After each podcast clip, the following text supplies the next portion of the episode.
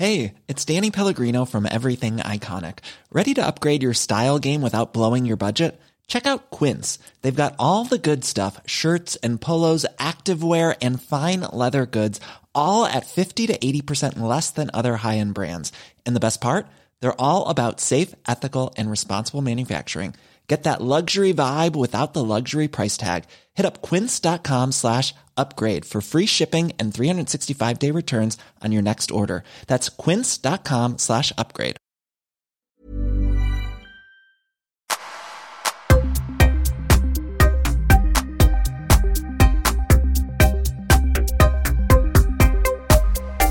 Yvonne Fuchs, välkommen tillbaka till Öppet sinne. Tusen tack. Du, det här är tredje gången som vi sätter oss och pratar. Japp. Och de två tidigare poddarna har varit små minisuccéer. Du var under en lång tid, nu var det länge sedan jag kollade upp det, men du var under en lång tid det mest lyssnade avsnittet, det första. Och jag vet att ditt andra avsnitt också taktade på ganska bra. Och det är ju för att vi pratar om narcissism och destruktiva relationer. Och jag tänkte, eftersom att det här är tredje gången som vi sätter oss här nu, och det här avsnittet släpps också på YouTube, så nu kommer folk kunna titta på, på det här samtalet och det hittar ni då på Öppet Sinnes YouTube-kanal, ifall ni inte redan är där och tittar. Um, men jag tänkte att det här får bli lite sånt här avsnitt där vi går igenom lite av det som vi redan har pratat om, plus att vi också sen kommer gå in på ett, uh, litet, en annan vinkel på narcissismen som du uh, pratade med om tidigare. Mm. Men om vi bara börjar med det här jättesimpla, vad är en narcissist och vad gör de? Ja, narcissism är, det är egentligen en, en överlevnadsstrategi. Så från början skapas det för eh, det, det är liksom en person som har sådana trauman från mycket, mycket tidigt i uppväxten. Svek, försummelse, övergrepp och olika saker som det kan vara. Så narcissismen skapas då som en överlevnadsmekanism, rent neurologiskt i hjärnan. Och det gör att personen personen kan då inte lita på omvärlden utan kommer att spela, manipulera, vara karismatisk. Och de gör det med bravur för det är ren överlevnad. Mm. Så det är det i grunden, en, en överlevnadsmekanism, en rent neurologisk som spontant sker när traumorna är för stora. Då kan det leda till narcissism. För det som hände när jag delade det här avsnittet första gången, mm. det var att väldigt många skrev oj vilken ögonöppnare, nu förstår jag tidigare relationer, varför de har varit på ett visst sätt, eller den killen eller tjejen som jag har dejtat, varför den har varit som den har varit. Och de började se alla de här mönstren. Mm. Vad, vad, skulle du säga är de tydligaste tecknen i en relation, att man är min narcissist? Vilka varningsflaggor ska man se upp för? Ja, men det är ju hela det här att, att liksom det är så otroligt bra, det går fort, vi är soulmates, vi är bästa vänner, det är check på alla punkter. Nej, men alltså så här bra kan det inte vara. Det, det är liksom, för i och med att de spelar, de, de speglar in vad är det Paul saknar i sitt liv. Okej, okay, då är jag den personen. Och de går ju på när man har någon liten sårbarhet. Man kan ha varit med om någonting jobbigt eller ah, man längtar efter en relation eller som R. Kelly som vi pratade om förut, tjejer som vill vara i karriären, som är jätteduktiga och så faller de för att, att man ska få den här grejen som de erbjuder. Just det. Och, och de går verkligen på när man har en liten sårbarhet. Och ibland har man inte tänkt på det, för man kanske är i toppform, livet flyter på jättebra, men man har någonting som de liksom instinktivt nosar rätt på, fast man kanske känner sig jättestark och trygg. Eller så är man sårbar och vet att man har någonting. Men det är som liksom en haj som vittrar blod i vattnet. De vet precis vilka de går på. Vad är det som gör egentligen att de har den här förmågan att vara, för det är ju på något sätt som de är otroliga människokännare när de ja, lyckas ja. hitta de här små ja, detaljerna ja. gång på gång. De går ju på instinkt. Mm. Medan, eh, så egentligen behöver de ju inte vara, alltså de är ju smarta, de kan ju vara jättesmarta och belästa och välutbildade och intelligenta på alla sätt och vis, men, men det är också instinkt. Tänk dig att du är i reptilhjärnan, i mygdala, du går på instinkt. Och, och de gör alla sakerna, manipulation, det här karismatiska, ljuger, manipulerar, eh, lite som de gör så här, titta här, titta här, och så gör de sin grej här, och så tittar alla där. Mm. De är mästare, men det går på instinkt. Just det. Ja. Du sa en väldigt bra grej också, tycker jag, första gången, det är det här med att man vill få den här personen som man lärde känna. Ja. Och så säger du, men den ja. finns inte. Ja, men precis. Så de kärleksbombar ju ofta först. Och eh, då är den här personen så underbar, eller om det är en anställning så är det liksom den mest perfekta personen på, på det här. Men de kan också, och, och då längtar man ju hela tiden tillbaka till det här fina, så när det hemska börjar, galenskapen börjar, och den smyger ju alltid på. Mm.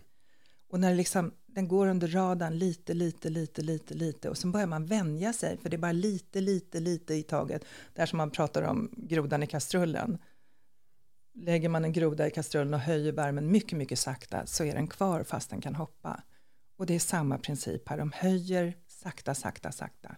Men det finns en till teknik och det är att, att ghosta, liksom behandla personen, ger lite underbart och sen bara försvinna. Så man får inte så mycket kärleksbombning, men man hann smaka på någonting underbart, så nu börjar du jaga den personen. Ja, just det. det där är väldigt vanligt, skulle yes. jag nog säga. Men, men, men hur, vilka fel kan man också göra? Att man kanske börjar misstänka att ah, jag råkar ut för det där, så det betyder att det är en narcissist, men egentligen kanske inte är det. Finns det några sådana saker man kanske ska se upp för också, så man inte börjar misstänka att varenda människa här... Absolut. När man har varit med om någonting sånt här så kan man ju bli lite paranoid. Mm. Och vad det handlar om är att lära känna människor över tid. För med narcissism går det fort. Lär känna personen över tid, för en narcissist kan inte hålla sig schysst länge. För det är bara teater, de får anstränga sig att vara så här underbara. Mm. Så det kommer att visa sig. För den här paranoia man kan få är ju inte bra, för då kan man ju se det överallt. Alla är ju narcissister och det hjälper ju inte. För så är det inte. Nej. Nej. Men det handlar ju om till syvende och sist att jag, om jag har varit utsatt för sådana här saker, hamnat i det, jag behöver ju se på vad i mig har attraherat det här. Istället för att undersöka vilka är narcissister så behöver jag se hur kan jag bli så hel och sund och harmonisk som möjligt. För det jag tänkt på också som verkar vara ganska vanligt med narcissister är också det att de jobbar mycket med projektion. Oh, ja. Att de vill förklara att den andra har ett kontrollbehov, den andra oh, ja. är manipulativ och oh, försöker ja. styra och vill veta allt man gör. De är världsmästare på projektioner och de gör det så skickligt så när de går på den andra personen som kanske vill vara en schysst person så börjar man göra en rannsakan, liksom, gud har jag gjort det här? Men gud, det kanske är så. Jag kanske inte var schysst, jag kanske inte gjorde så bra jobb. Men vad det är egentligen, alla attackerna, det är ju som du säger projektioner. Det är egentligen ett erkännande av vad de gör. Mm. Men det tror man inte, för man tänker liksom, gud har jag gjort det här? Alla attacker är bekännelser. Ja, det gäller att vara på sin vakt. Ja. Mm. Ja, men för man blir så manipulerad. Man, man, märker inte, det smyger sig på. Och de är lugna, harmoniska och övertygande. Eller så tar de i med ilska så man bara, ja, ja, ja, okej, okej, okej. Vad händer om två narcissister börjar dejta varandra? För det här var något du och jag mm. pratade om mm. alldeles nyss innan vi började spela in, så kom vi in på det. Det kan bli extremt galet och passionerat och de två ihop kan bli en riktig djävulspakt. Och det mm. gäller att inte vara barn i den familjen. För de skaffar ju också barn. Nej men det är ett riktigt helvete. De ställer till, de ställer till för ex, de ställer till för sina barn. De kan funka ihop. De är lite narcissister på olika nivåer och de går över lik och de skärmar och manipulerar och är karismatiska, ser ut som det coolaste paret. Och hur ser det bakom, bakom lyckta dörrar? Vad, vad pågår där egentligen? För det, det jag får känslan av är att de skärmar, av varandra, alltså, de skärmar av varandra från sin omgivning och de gör exakt det de brukar göra på ett, vi säger då ett offer. Mm. Men här blir de båda offer och förövare på något konstigt ja, sätt. Ja, ja. För de utsätter varandra för samma sak och de accepterar det också. Ja, ja, ja, för, precis. För men ta din fråga igen så jag hänger med. Hur, menar du? Nej, de... men för, för, det jag menar är att en narcissist, det är väldigt vanligt att han eller hon då börjar med att skärma av hans partner mm, då från mm. så familj, just det, just det, just vänner och få ja. bort dem. Ja. Men jag får känslan av när två stycken möts att de gör samma sak på varann. Ja. Att nu tar jag bort din familj ja. och nu tar den andra bort dens familj och nu tar jag bort dina vänner ja. och nu tar den bort sina vänner. Och då är det som att de blir offer och förövare. Men, men accepterar det också, att de accepterar varandras grej på något konstigt sätt. Exakt, så tänk dig att de slåss om att vara värst. Liksom. Mm. De slåss om att manipulera och, och ha makt över den andra. Och samtidigt på, på ett perverst sätt så har de respekt för att den andra är lika sjuk som dem, för vi är ju överlägsna, vi är ju överlägsna alla andra människor. Så samtidigt som de hatar när den andra är över, så tycker de det är jävligt coolt, men jag ska vara över snart. Ja. Så det blir helt perverst. Ja. och de är ju offer som du säger, narcissister är alltid offer. de är alltid oskyldiga, det är bara andra som är idioter. Mm. Det är därför de måste göra det de gör. Ja, men för det är intressant, för, för det är något jag reagerar på ibland. Jag ska säga, jag är väldigt, skonad från den här kommentaren, men jag har några gånger fått höra att du har svårt att ta kritik.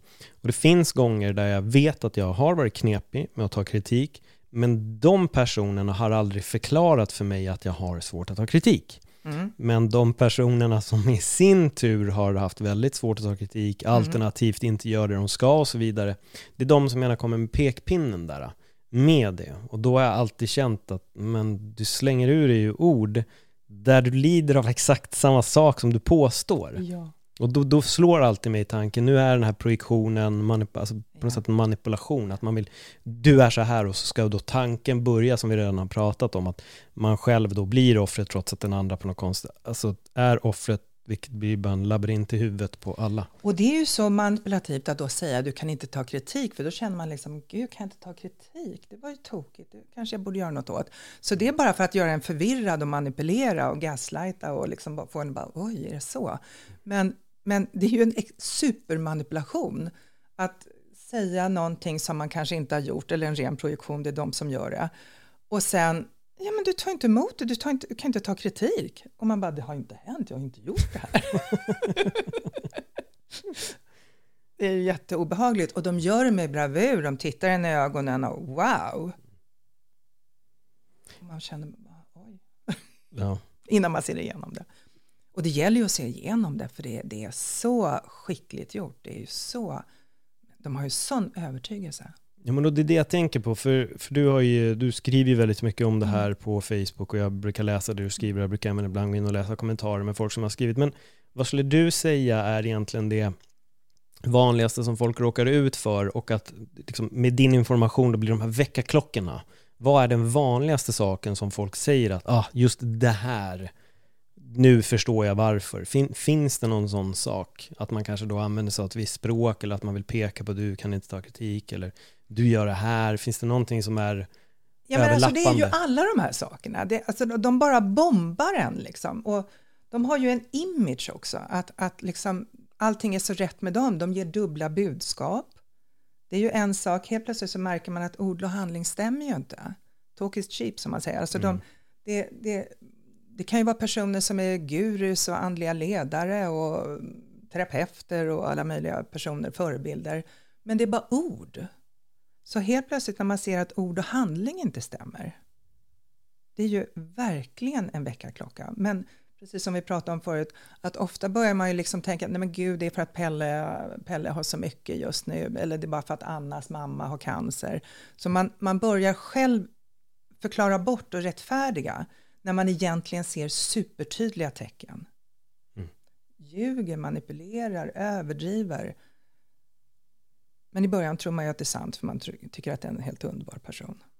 För det är något som fascinerar mig på att säga att just det här med rättfärdigandet, att man rättfärdigar deras skit, att man yes. hittar en förklaring till, ja men det är så här på grund av, av det och ibland mm. kan folk till och med gå in i skydd ja, ja. för det här med de som är ja, utomstående, men nu måste du ju vakna. Ja, ja. De är ju experter på att spela offer, alltså vad de än har gjort så lyckas de bli oskyldiga. Mm. Och de har alltid några som hejar på dem. Ja. Nej, jag vet, nej men det, hela grejen är ju verkligen bara ren, ren galenskap. Men ja. vad, vad, vad, skulle du ge för tips för att så här, finns det några saker som du tycker att man bör hålla koll på? För det här kan ju också påverka, det behöver inte vara i en relation. Alltså det här är ju också mm, folk man kan springa på på sitt mm, arbete, mm, mm, som, som börjar göra så här, eller mm. att det är liksom vänner, eller en ny vän som kanske börjar... Nu kommer jag vara lite jobbig, för jag kommer ja. tjata om en grej som jag alltid tjatar om. Ju mer man jobbar med sig själv, förstår sig själv, förstår hur mina egna beteenden har uppstått, förstår hur jag hamnade med den chefen eller den kärlekspartnern eller vad det nu kan vara. Jag börjar förstå mig själv. Har jag ett medberoende? Uh, har jag några sår från någonting? För om jag helar det och jobbar med mig, tror det eller ej, då kommer jag inte attrahera dem. Så ju sunda, man, man, kan liksom hitta alla tricksen för att hitta dem och det är bra också att det finns liksom röda flaggor och allt det här som vi kallar det för. Mm. Men Parallellt måste man jobba med sig själv. Att bli trygg och harmonisk i sig själv. För det är inte en slump när man går på det. Det är någonting som saknas i mitt liv. Det kan vara så enkelt som att jag behöver en person som kan den här grejen för jag ska starta en podd nu så jag behöver någon som kan hjälpa mig med det. Och då blir jag blind på att den personen har sådana drag för jag skulle behöva någon fort och han eller hon verkar ju skitbra. Vi kör. Jag känner mig träffad. Nej, men, ja. Klassiskt hur det går till. Ja. För jag behöver den här grejen eller den här personen eller jag saknar det här just nu. Så kommer det. Nej, men det, är det, det är det som har fascinerat mig också, Mm. för vi, nu, det här är tredje gången du och jag Mm. sätter oss ner och det är varje gång så är det ändå någonting som har hänt. Så det känns Mm. som att hur mycket jag eller andra än vet så är det så lätt Ja. att ändå halka dit. Att ändå bara, oj, och inse det på vägen att det, nu är det så mycket saker som inte stämmer. För de kommer i nya former, i Ja. nya förpackningar. Så man tänker, nu har jag koll på det här. Så tänker man inte att, ja men i början kunde inte jag förstå att de kunde vara väldigt kärleksfulla, de kan vara blyga, de kan vara lite försynta. Liksom covert narcissism som man säger. Och, och, och det kunde inte jag förstå. Jag, och jag, och jag kunde inte riktigt heller ta in att man kan vara terapeut och, och jobba med andlighet och kärleksfullhet. Klart man kan. Så de kommer liksom i en ny förpackning. Så man bara, nu har jag verkligen valt motsatsen. Nu är jag på den säkra sidan. Och så är det exakt samma. Jag vet inte varför, jag började tänka på den här Bikram-killen. Eller mannen, han som startade Bikram-yoga. Jaha, Som visade ja. sig vara en extrem alltså, våldtäktsman och utnyttjade kvinnor sexuellt och hade en hel struktur och strategi för vad var bara ren galenskap. Här går det att bli en av de mest populära Ja. yogaformerna som jag, jag, jag tror att han hade väl hittat på den här mer eller mindre själv eller uppfunnit den. Men sen visade det sig att han var ju bara en, en våldtäktsman i Det blir så otäckt när de gömmer sig inom hälsa, Mm. personlig utveckling, terapi, må bra, meditation. Det blir så obehagligt. För även om man börjar se, man, man känner hmm, något som inte stämmer, så blir hjärnan lurad, det här som heter kognitiv dissonans. Det är två motstridiga budskap. Den är helt underbar, hälsosam, närvarande och sen är det, men vänta, det är precis tvärtom. Och då får man inte ihop det, så man bara, ja men det är väl bra. Det är liksom, man blir hjärntvättad av det. Kognitiv dissonans är någonting som används väldigt mycket senaste året tycker jag. Mm. Och folk har pratat mer om det, att folk har kognitiv dissonans för att de vill ha mask för att det är corona. Vilket är den, den har jag lyckats missa. ja, skönt, skönt. För jag, jag har hört folk komma med de där utläggen att folk har kognitiv dissonans för de tror att masken kommer hjälpa eller ditt och datt, egentligen behövs det inte. Ja. Men, men det, är, det är en bra sak du är inne på, för, för Mm. det är ju någonstans också, jag menar, man får ofta höra det här, men det är ofta psykopater på något sätt som går och blir chefer och, och hela Mm, den biten. Och, och där kan det väl vara en ganska, vad ska man säga, ganska många som har det här. Så det kanske krävs en viss galenskap också för att nå vissa punkter, medan de som är snälla och försynta kommer inte riktigt fram heller. Exakt, där man behöver kanske gå lite över lik. Jag tänker på presidenter och olika Mm. saker i olika länder. Där, där det, och och det är det här vi behöver börja se över, för så länge vi ser upp till den här typen av ledarskap, då får vi ju narcissism och psykopati högst upp i länder och i företag och i sjukhus och allt vad det kan vara. Det är ju livsfarligt. Så vi behöver se att det här är jättesmå personer. Mm. Det är inte någon stor, stark, eh, kompetent ledare. Det är små, små barn. Så, och inget ont om barn, jag älskar barn, men som tilltufsade barn som spelar vuxna. Det är ju narcissismen. Alltså, du har blåst upp någonting, precis som vi pratade om i början, att det är ett sår från början som man sen blåser upp. Jag är stor, jag kan allting, jag är bäst på det här. Och sen är man så övertygande som man får det här jobbet eller man blir vald i ett demokratiskt val. Åh, honom ska vi ha eller henne ska vi ha. Hur blir man av med det här? Ifall det är någon som lyssnar och känner Man slutar skaffa Fan, barn det här är jag. ja, men för, för jag tänker det, för det, vi pratar ju väldigt mycket om också det egna arbetet, att jobba med sig själv och Ja. Jag har även stött på några som jag sen har förstått att de här är egentligen rätt grova narcissister, men de pratar också mycket om introspekt och jobba och läsa Mm. självhjälpsböcker och det är det här och det, det här är så bra livsfilosofier och ditt och datt.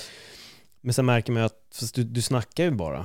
Det, det här är ingenting du egentligen tror på, men, men kan de här personerna på något sätt också komma ifrån det här? Är de kapabla att någonstans få den här totala självinsikten att jag är en idiot? Vad håller jag på med? Jag är en destruktiv människa, jag förpestar folks liv, jag förstör de män och kvinnor som kommer in i Mm. mitt liv och liksom Finns det någonstans där de vaknar på riktigt? I sällsynta fall, mycket sällsynta fall. Mm. Och eh, då ska liksom allt ha rämnat. Det kan till exempel komma med ålder, men tänk dig mer att då jag är mer trängd. Uh, nu är jag jävligt rädd att jag ska få igen all skit jag har gjort. Liksom. Jag sviker mina barn, jag lurar min kollega och bli, bli, bli, bli eh, och har blåst människor på pengar och gjort olika saker. Så då kan de bli lite mildare med åldern. Men det är inte utifrån empati. Så empati når de liksom inte till. Och samvete kan de inte känna. Men däremot så kan de skärpa sig för att det gynnar dem. De kan be om ursäkt för att eh, ja, du inte ska ge igen för att de har gjort helt sjuka saker. Mm. Men alltså det, är som, det är alltid någon vinst med det. De kan inte komma till att de kan känna empati. Och de har inget samvete. Och de kan faktiskt inte älska. De kan Nej. inte älska. Det går inte. Utan allting är villkor, att människor är objekt. Och det är också en sån röd flagga när man börjar känna men gud, jag verkar vara en sak för den här personen. Alltså man känner till slut att det inte är villkorslös kärlek utan den är, det är för att du är snygg eller det är för att du är rik eller för att du är cool eller för att personen får det sexet den vill eller whatever. Mm. Eller för att du försörjer henne. Väldigt ofta vill de bli försörjda. Man går back ekonomiskt med sådana här personer. Det är så roligt att du säger precis det när min tanke senaste minuten har varit på den här Sol och våraren som mm. dök upp i Aftonbladet. Vilket jag också blev på något sätt full i skratt för båda tjejerna hette Camilla också. Okay. Då undrar jag om det var något för att underlätta för dem själv eller om det bara var en slump att båda hette Camilla. Men den ena tjejen hade ju då läst artikeln och insett att det är honom jag dejtar. Mm. Och jag, jag, såg också på Aftonbladet, för då hade hon skrivit i kommentarsfältet på Facebook då, att ni som kallar mig för golddigger, jag har det här, jag har mina pengar hit och dit. Men jag tänkte, det, det känns fel att, att resonera att hon skulle vara någon form av golddigger, för att han har ju flyttat in i hennes lägenhet, han lurar ju och han är den som har blåst mm. folk på pengar. Mm. Så han bör väl vara den då som kollar upp inkomst och vet någonstans ja, ja. att här är det värt det. Ja, ja, ja. Alltså de har ju stenkoll på sådana grejer. Nu har inte jag läst eller Nej. sett just den där. Men, men alltså de gör det så skickligt och det, det kan även vara personer med mycket pengar. De får studenterna att bjuda dem. Alltså, om, om partnern studerar. Alltså det är... De kan såklart också manipulera med pengar och köpa, vi säger att de skulle ha jättemycket. Men oftast går man ju back. De gömmer undan sina pengar och mm. andra får betala och försörja. Ja, jag inser helt plötsligt att jag har jobbat med en sån. Mm. Jag blev inte drabbad, mm. men jag vet att en annan kollega sa nej men jag pallar inte ta med den, jag kommer inte avslöja tjänar. Jag orkar inte ta med den personen ut för att det är alltid jag som måste betala. Yes. Och det kom vara återkommande, de umgicks jättemycket men sen visade det sig att han fick alltid pröjsa. Sen fick jag höra av en annan vän också att de umgicks och han pröjsade alltid. Och då började jag se mönstret, det, det mönstret såg jag redan då, men att han gick från en vän till sen nästa mm. och slängde bort en och var med en annan. Och, mm. Och det verkade till slut som att alla har liksom bara pröjsat alla utgångar och stått för allting. Ja. Det är fint. Det är mästare på det. Jag som är lite äldre, förr i tiden glömde de plånboken när de gick ut med vänner. Mm, okay. Funkar inte längre med Swish. Nej. Nej, men alltså det, det är så uträknat. Mm. Man tror ju inte det. Nej. det men det är för att de är infantila, de är som små barn. De vill att man ska bli ens förälder och ta hand om dem. Skämma bort dem, försörja dem, hjälpa dem med CV så de får jobb. De är, de är supersmå. Mm. De fixar ingenting på egen hand. Tror eller ej, för man tror ju de är så himla kapabla och kompetenta och coola. Nej, nej, nej, nej, nej. de får andra göra hela jobbet. Ja, men de uppmålar ju också det, den bilden av sig själva. Ja. Jag är det här, jag har gjort det, ja, jag har pluggat det här, jag har det här yrket och det, det, jag, jag kan, jag kan och det här, och läser nej. det här. De får andra göra alltihop. Mm. De har, nej men det är så mästerligt gjort. Och i kärleksrelationer så vill de, först kan det ju verka som passionerad kärlek, wow, liksom, oj, sex så härligt och underbart vi har. Men sen vill de bli omhändertagna. Man ska försörja dem, ta hand om dem och förlåta dem när de har flörtat med andra och gjort lite ännu mer saker och hej. Ja, vi har mycket som vi måste passa oss för. Ja. För det gäller inte bara relationer, det gäller vänner också. Speciellt nya vänner kanske. Absolut. Burrows furniture is built for the way you live. From ensuring easy assembly and disassembly to honoring highly requested new colors for their award-winning seating, they always have their customers in mind. Their modular seating is made out of durable materials to last and grow with you. And with Burrow, you always get fast, free shipping. Get up to 60% off during Burrow's Memorial Day sale at burrow.com slash ACAST. That's burrow.com slash ACAST. burrow.com slash ACAST. Life is full of what ifs. Some awesome, like what if AI could fold your laundry? And some, well, less awesome, like what if you have unexpected medical costs? United Healthcare can help get you covered with Health Protector Guard fixed indemnity insurance plans. They supplement your primary plan to help you manage out of pocket costs. No deductibles, no enrollment periods, and especially no more what ifs. Visit uh1.com to find the Health Protector Guard plan for you. Absolut.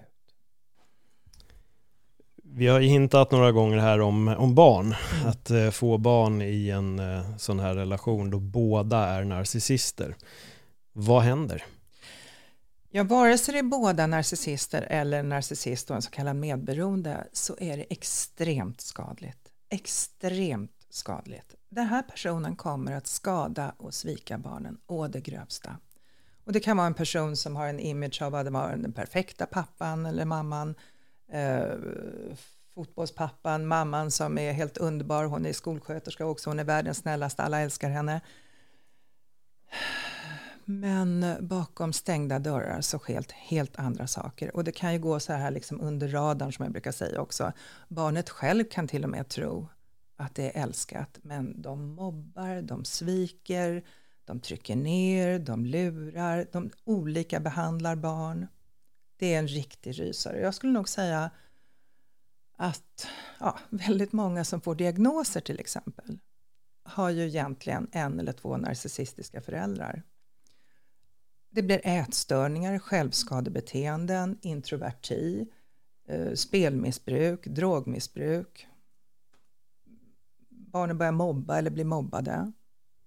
Det får jättekonsekvenser för barnet kommer ur balans.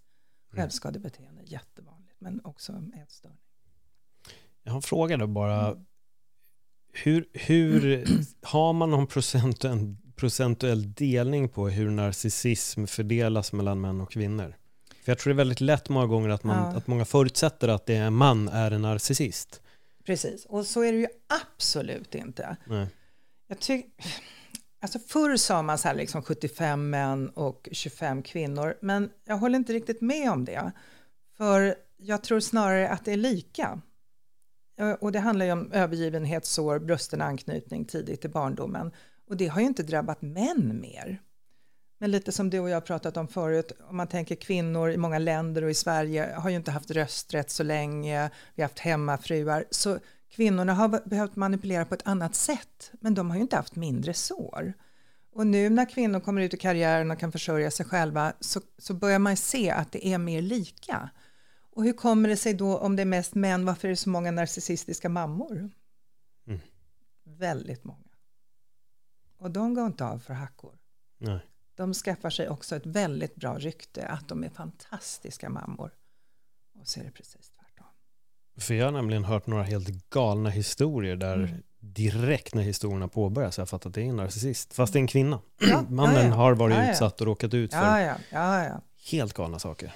grymma grejer. Och, och det kan ju också bli, ibland så skäms man ju mer som man för att, att man, eller män historiskt sett kanske har skämts mer. Gud vad pinsamt liksom. Jag är helt styrd och hon är otrogen med alla och gud vad pinsamt jag försörjer henne. Alltså, ofta har männen skämts mer så att de inte har berättat. Och det är inte så länge sedan män inte kunde gå till polisen och anmäla sånt för poliserna bara, skämtar du? Är du rädd för din kvinna eller? Mm. Hon slagare också, ha ha ha. Men nu fattar vi ju att det är jätteallvarligt. Mm. De gör helt sjuka saker, de kvinnliga narcissisterna. Är det skillnad på vad de gör? Män, män och kvinnor? Alltså de kanske använder lite mer charm och sex. Vad som är väldigt vanligt med den kvinnliga narcissisten, alltså i en kärleksrelation, inte mot barnen, det är att hon erbjuder den mest underbara sexen så du bara dör. Och man känner bara wow, jag har aldrig känt mig så manlig och lycklig och hej och hå. Och sen får hon ingen sex, men hon flörtar med alla andra. Mm. Så riktigt knäcker mannen liksom hans manlighet. Mm. Och samtidigt så försöker han då höja insatserna så han kanske bjuder henne på semester. Ja, men du får väl där huset du vill ha. Ja, men jag ska måla om i de färgerna du gillar, whatever liksom. Så hon torterar honom på det sättet så han ska ge henne ännu mer. För han känner sig omanlig och liten och för förnedrad. Och hur, hur, vad händer när de här människorna kommer ur det här? Eller, för jag kan tänka det måste vara så lätt att bara fastna i det också, att det bara går år ut och år in. För det är många som tycker det här, men vi måste kämpa för barnen och så mm. är de bara fast mm. i det mm. här mm. i flera, flera år. Det olyckliga, förlåt, det olyckliga är att man helt enkelt skaffar, att, att det blir barn. Så det är därför vi behöver lär känna en person över tid. Mm. För de tokiga sidorna kommer komma fram. Och när, du väl, när det väl finns barn där så står man ju ofta inför ett dilemma. Om jag nu skiljer mig från den här personen då kommer ju barnet eller barnen behöva vara ensam med den personen. För det är ju inte så lätt att få egen vårdnad vad en personen har gjort. Och då kanske man kommer fram till, ja men herregud det är bättre jag är kvar då, då. För då kan ju åtminstone jag ta skiten, elakheterna. Jag kanske kan försöka skydda barnen. Så ibland kommer människor i det dilemmat, alltså när man börjar få kunskaper och börjar förstå vad det handlar om. För skiljer man sig, då brukar jag säga, då får barnet egen vårdnad om den sjuka personen som behandlar barnet illa. Mm. Och de har ju nästan alltid missbruk också. Narcissister har ju extremt ofta missbruk alkohol, sex, ekonomiskt missbruk, olika saker, aggressivitetsmissbruk. Mm. Jag behöver bara få micken mm. lite närmare dig, ja. märker jag. Jag hör mm. att ljudet svajar lite. Okay. Ser det skillnad ut för ett barn om den föds med två narcissister? Ja, på sätt och vis så är det ju värre. Men nu ska vi inte sätta gloria på medberoende, för om du är medberoende så går det ju så mycket tid att få lugn på narcissisten. Så den medberoende sviker också sina barn väldigt grovt. Inte för att den vill, den är egentligen godhjärtad och empatisk. Så vi ska bara säga liksom att även där går barnet toksönder. Men med två narcissister, ja men det är ju typ så illa det kan bli. Mm. Det, det finns ju inget äkta då. Det finns inget äkta i den familjen.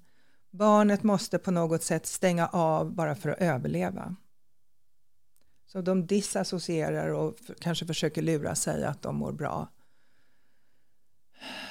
I bästa fall så kan barnet utveckla empati. De kanske har någon mormor eller någon granne som är jättesnäll eller har en hund som de leker med så att de kan känna kärlek. Men via hjärnans spegelneuroner så behöver man ju få det från föräldrarna eller åtminstone en av dem. Och är det två narcissistiska då lär du dig bara kyla, avstängdhet, spel, falskhet, fasad. Mm. Utan att veta om att det är det du har fått in, för det är ju det enda du har fått in. Det, för jag tänker så mycket på att vi, vi är verkligen så otroligt, alltså, ska jag säga, stöpta efter hur vår barndom har varit. Mm. Att det påverkar oss mm. mycket, mycket mer än vad vi tror. Och jag mm. vet ibland när jag pratar med folk så kan de resonera, ah, men varför skulle man hålla på och blicka bakåt mm. och det gäller att blicka framåt. Mm. Och, men samtidigt så är det så tydligt att det finns så mycket sår där som ja. de inte vill ta tag i. Ja. Nej men precis, för då behöver man ju förstå liksom hur hjärnan fungerar och det har vi pratat om lite förut du och jag, att de första sex åren, sex, sju åren, så tar vi in i någonting som heter teta hjärnfrekvens, det vill säga hjärnan tar in som en svamp helt ofiltrerat. Mammas och pappas beteenden, allt som händer. Barnet förstår inte, den har inte den intellektuella förståelsen och den kan sitta och leka lugnt för sig själv eller vara med en kompis eller syskon, men man tar in energierna. Om mamma och pappa är kärleksfulla mot varandra, respektfulla av varandra, om de trivs i sina liv, om släkterna tycker om varandra och är kärleksfulla, eller om det är tvärtom. Då tar barnet in det. Och det blir sen vår prägling, en perception. Så sen har hjärnan en tidlös del som allting går igenom. Det är därför man inte kan säga hallå, vad barndomen med saken att göra. Den har 100% med saken att göra eftersom hjärnan, nervsystemet, känslorna är styrda av den präglingen. Mm. Och sen efter 6-7 år så, så, så präglas ju barnet otroligt mycket också. Och då är det det som repeteras, som jag brukar ta den här jämförelsen, på samma sätt som man lär sig ABC eller lär sig köra bil eller cykla. Så när du väl kan det så kommer det in i, i, i programvaran. Och har det då varit bråk eller har det då varit att du får veta att du är inte särskilt bra eller din syster är mycket bättre än vad du är eller vad det än är. Villkorad kärlek, då vet jag om jag presterar är jag bra, annars är jag inte bra, olika saker. Så då, då lägger det sig i din programvara och då styr det dig totalt sen. Men man tror att men, det är väl jag som styr, jag är smart, jag tycker alla människor har lika värde. Och så är du styrd av den här programmeringen. Rent neurologiskt, hjärnan. Hur beter sig en narcissist mot sina barnbarn? Vet man det? För nu pratar vi om barnen, men nu blir ja. jag bara lite nyfiken ja. på hur, hur, kan det läcka över på barnbarn? Skulle det vara samma beteende där? Eller? Alltså en del kan typ vara lite, lite bättre mot barnbarnen för att de skärper till sig. Ett barnbarn kan ju säga, jag vill inte träffa mormor, hon är dum. Så där kan de ju få skärpa sig lite, bara därför. För det egna barnet sitter ju i ett gisslandrama, den kan ju inte gå. Det är ett helvete. Det här är vad du har. Barnbarnet kan ju det, så då skulle någon kunna skärpa sig. Men det är ju inte alla. Jättemånga sviker sina barnbarn mycket grovt. Mm. Och i processen så föds nya narcissister. Ja. Kan en narcissist vara född i en, ska vi säga, en fin uppfostrad liten kärnfamilj om man säger så? Det skulle vara jättekonstigt eftersom det är en överlevnadsmekanism. Så mm. varför skulle det barnet behöva vara rädd för de föräldrarna? Det, det är ju ingen logik i det. Nej. Utan är barnet tryggt, det är tryggt och stabilt och harmoniskt och förutsägbart och kärleksfullt och eh, äkta, då kan inte narcissism utvecklas. Det går inte, var ska det komma ifrån? Mm. Det barnet blir tryggt och har, gör sunda val i livet och har gott omdöme, tar väl hand om sig själv. Och det behöver ju inte manipulera, det vill ju inte manipulera. Nej. Nej. Det vill ju ha äkta relationer och då har gärna spegelneuroner tagit in det. För mamma och pappa är respektfulla, mormor och farmor och de är trevliga mot varandra och schyssta mot varandra och skrattar och, och gråter och tröstar varandra om det är så. Man finns där i vått och torrt. Mm. Och då har ju barnet den programvaran. Just det. Mm. Jag tänker när jag är inne på ämnet lite med det här barn och, och narcissister. Alltså hur, hur kom du in på det ämnet och när du började tänka på det? Vad har, vad har du sett? Finns det något speciellt som du har upptäckt när det är just barn till narcissister eller? Tänk, hur menar du? Nej, men jag bara tänker lite om man går in på till exempel narcissist i sig så finns det saker som ja. sticker ut. Ja. Vad har stuckit ut för dig när du har tittat på barn som är födda hos, menar, genom narcissister? Ja, men alltså man olika behandlar sina barn bland annat. Man kan sätta ett barn på pedestal, the golden child, och nästan alltid gör de ett barn till syndabocken. Och syndabocken är det barnet som har sagt, hallå, det är något som inte stämmer här. Varför är inte alla schyssta mot varandra vid matbordet? Så den har börjat säga det är något som inte stämmer och då utnämner man den till syndabocken. Så den blir the bad guy bara för att den ser verkligheten. Så man olika behandlar barnen eh, och det är villkorad kärlek och man använder sina barn. Mm. De är en förlängning av narcissisten antingen försummar de helt, de skiter i dem, liksom, och då gör man barnet självständigt så att man slipper ta hand om det. Så då boostar man egot, du kan allting, hej då, försvinn. Eller så eh, ska lilla Pelle göra det jag vill så att jag kan skryta inför mina vänner och berätta, åh, mhm, mitt barn. Så det, det, det finns ingen kärlek, ingenting är på riktigt. Har du sett dokumentären, jag tror det hette om Gabriel Hernandez, en liten pojke Nej. Som till slut vart, han vart misshandlad jättemycket och till slut vart han ihjälslagen. Mm. Han dog. Det är i USA. Mm. Eh, blev väldigt, väldigt, populär, vilket är jättetragiskt, men mm. eh, dokumentären blev väldigt populär på Netflix. För att den är så hemsk. Eh, och det handlar då om att han har då fart mellan pappa och mamma. Men mamman, där, mm. där har han alltid åkt på stryk. Hon hade två barn till om jag inte minns helt fel. De blev aldrig dåligt behandlade. Medan han fick sova i skåp, han blev slagen, hon använde också många gånger honom emot sin nya pojkvän. Mm. Där hon sa att ah, han tycker inte att du och jag ska vara tillsammans. Du borde slå honom och då har han slagit den här ungen och till slut har han då dött. Eh, och eftersom att vi då pratar istället lite frågor om skillnaden mellan Mm. män och kvinnor i narcissism så är det ju väldigt tydligt att den här kvinnan är en grov narcissist. Mm. Och att hon lyckas göra misshandeln genom en annan människa. Hon alltså får den här personen att, att slå barnet. Genom att de manipulerar med, ah, han tycker inte att du är tillräckligt bra för mig, han har sagt att du inte borde komma hit. Och, Mm.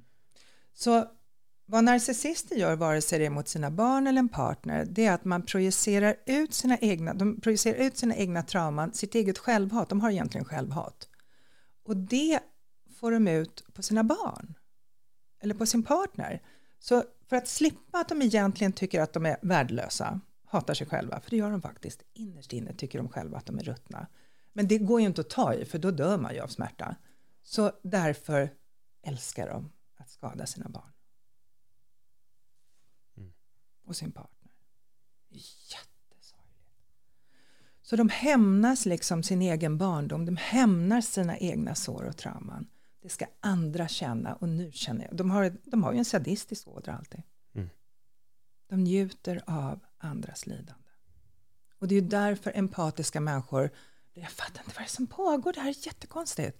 Man tar liksom för givet när man träffar andra vän, en vän eller kollega eller kärleksrelation eller den här partnern som jag nu har barn med. Det är väl klart att föräldrar älskar sina barn. Alltså man, man kan inte ta in att men gud, den här personen njuter ju av att min dotter börjar gråta. Hon hackar på henne till hon börjar gråta. Hon ser ju alldeles lycklig ut. Mm. De njuter av att mobba och knäcka. alltså jag blir lite matt, dels börjar jag Ja. tänka mycket på den dokumentären, men det är så hemskt Ja, beteende för att barn är så oskuldsfulla och väldigt Ja. oskyldiga Ja. i det hela ja, och blir utsatta för någonting som de exakt. också på något konstigt sätt kommer förmodligen att lite normalisera för de vet inte vad som är det normala. Nej. Så att för dem Exakt. är det så här. Exakt. Det gör ont och det är mycket smärta. Och, Och det är precis så vår självbild skapas. För eh, människan är ju så länge i sitt bo så att säga jämfört med en fölet som kliver iväg och fågeln som flaxar iväg. Så vi är så länge så vi påverkar så mycket och människan är ju så skör. Det är ju liksom, det finns ju ingen annan som är så skör som människobebisen. Den kan ju inte gå till kylskåpet och hämta sina grejer eller flytta om, om föräldrarna är knäppa. Så, den är så, så, så, så människan är så otroligt beroende av vårdnadshavarna. Och hjärnan påverkas ju så som de behandlar mig blir sen min självbild. Det är så självbilden skapas. Deras behandling av mig. Mm. Och det är därför vi behöver jobba med vår självbild. För den raseras ju totalt i sådana här relationer. Det är därför människor också kan börja eh, skjuta upp saker, prokrastinera, man försummar sig själv, man, gör, man kanske behöver träna men man skiter i det. Alltså man, vad, det för, vad håller jag på med? Varför gör jag inte det som är bra för mig? Så då börjar personen när den blir äldre, barn från början, försumma sig själv på samma sätt som man blev försummad av en eller båda föräldrar. självbilden är jätteviktig. Mm. Jag tror att självbilden är väl den som vi, vi föds med ingen självbild utan vi får en självbild fostrad på något sätt Mm. genom vänner, familj och så får man höra de här historierna som sen till slut skapar oss Ja. eh, på ett sätt. Men, men vad, vad skulle du säga, på, på vilket sätt kan man börja påverka sin egen självbild? genom att jobba på att acceptera, älska sig själv, förstå sig själv, bli kärleksfull mot sig själv, bli vänlig mot sig själv, jobba på att göra sunda val, ta väl hand om sig själv. Då ändras ju självbilden, då ändras liksom hjärnan rent neurologiskt. Så liksom det är att man bestämmer sig för att göra tvärtom. Mm. Mm. Och då, då krävs det disciplin. För hjärnan och nervsystemet och beteendena och tankarna är nu så vana vid den prägling jag har. Så det känns liksom, det, det går på autopilot. Och att börja vänja om, det är som att göra en ny stig där det inte finns någonting, den här kan man köra hur lätt som helst på. och då behöver jag börja vänja om. Och då använder man samma teknik eh, som barnets hjärna, det här som repeteras. Så det kan man göra i vilken ålder som helst, det är ju häftigt. Att börja repetera det positiva. Det kan vara allt från affirmationer men också att ta väl hand om sig själv, krama om sig själv, vara kärleksfull mot sig själv och det kan kännas bara jättefånigt först för man kanske tycker vadå, mm. patetiskt. Gör det, gör det, gör det, gör det, gör det. Hur löjligt du än tycker det är. En dag är det naturligt att ta väl hand om dig själv och tycka om dig själv respektera dig själv. Mm. Och då matchar man ju inte med narcissism. Ja, just det. Nej, det är ju så bra. Mm. det är dit vi vill. Jag har en sista fråga som egentligen mm. jag fick eh, till, till mig här för några dagar sedan. Men jag tänkte liksom bolla lite den med dig. Det handlar egentligen om negativitet. Mm. Vad är det som gör att vi tar åt oss av negativitet? Det var den konkreta frågan jag mm. fick. Mm. Varför tar vi åt oss så mycket av negativitet? För jag var in, in, pratade med en, med en kant om, om just, vi kom in på det här med negativitet tror jag, så att mitt svar var att man måste försöka att inte ta till sig av det och fokusera på det positiva. Mm. Men då var hans fråga var ganska bra. Vad är det som gör egentligen att vi är så benägna att ta åt oss av negativitet? Är det mm. något du har klurat på själv kanske? Men om man börjar med att det är 100% osunt. Om du sitter här och är negativ så blir mitt liv skittråkigt. Mm. Så det är ju ungefär som att någon sprutar gift i rummet. Alltså det är så ofräscht. Någon som klagar, negativ och Pelle var så jävla dum. Oh, man orkar ju inte vara i samma rum. Okej, okay, så varför påverkas vi av det då? Jo, men eller varför, varför går vi med? Eller? Ja, det var nog bara vad, är det som gör att vi hela tiden faller för... Alltså får du men, om, nej, om jag det, säger så här, gud vad du är duktig mm. och så får du höra det av tio pers, mm. men sen kommer det en och säger, ah, du är inget bra. Mm. Då är det det som Jaha, fastnar. Ja, varför, okej, okay. det, det så. Fastnar. Ja, ja, ja. Varför fokuserar vi på det negativa? Mm. Jo, men det är hjärnan igen. Det är hjärnans, liksom, det är en struktur den har för att vi ska överleva. Så vi behöver veta eh, vem som är farlig, eh, vem som har psykopatiska drag och urtidsmänniskan, sabeltandad tiger kan man inte klappa. Så vi det, är en, det är jättebra. Det är för att överleva. Men när vi har haft lite för mycket trauman och konstigheter och tilltufsningar, kanske missbruk i familjen, narcissism, medberoende, olika saker, då har det här liksom slagit tilt för det har varit för mycket negativt. Och då börjar hjärnan liksom fokusera på det hela tiden. Liksom, allting är bra men en sak är mindre bra. Fan, den där spotten är ju ingen bra. Alltså, man bör, och så är allt det andra trevligt. Och man retar sig på någon sak, vad det än är. Och jag borde gjort det här. Så liksom... Så tänk dig att den här överlevnadsmekanismen som är sund har slagit tilt för att det har varit för mycket osundhet. Och det kan också göra att att vi, vi dras till det negativa. Det kan bli så bakvänt att man nästan börjar tycka det är spännande. Mm. Jag menar att du dras till en kriminell eller att du dras till någon som har narcissistiska drag. Det är att dras till det negativa. Du har blivit så van så du tycker det är spännande. Alltså kan till och med mm. vända så, helt bak och fram. Mm. Återigen, vi har mycket att jobba på. men alltså negativitet, alltså ju sundare ja. du själv blir, bara 100% ofräscht. Ja. Nej men verkligen, verkligen. vi, vi har nått vår ändhållplats här idag. Eh, men om folk inte redan följer dig, hur, eh, hur hittar man dig då? För du har ju Facebook-sidan, mm. dels den, mm. men var, var, hittar man dig? Så jag finns på Facebook och har en sluten sida där så att man kan, så där jag skriver väldigt mycket om sådana här saker. Eh, jättemycket om narcissism, men primärt om vad man kan göra för att må bra och slippa vara i sådana saker. Och också hur man kan förhålla sig om man till exempel har barn med dem och vad man gör då. Mm. Och så har jag lite, lite grejer på Instagram, men det är liksom lite mindre där. Just det. Mm. Jag kommer länka till det i, i bion, både i podden och på YouTube, så ni hittar alla länkar där. Yvonne, jättetack. Det är tredje året för podden och du är här för tredje gången så jag antar att vi sitter här igen nästa år också och pratar om något nytt. Eh, är det någonting speciellt som ni vill att Yvonne ska ta upp så kan ni redan börja kommentera på YouTube så ska jag se till att ta upp det om cirka ett år och det kanske är imorgon för dig som upptäcker den här podden någon gång 2022. Så tack så jättemycket Yvonne för att du var med. Alltid jätteroligt att ha dig här. Och tack för att ni lyssnade och tittade på det här avsnittet. Kom ihåg att om det är första gången som ni ser eller hör den här podden, glöm inte att scrolla igenom så kommer ni hitta en massa andra intressanta intervjuer. Tack för den här gången. Hej då!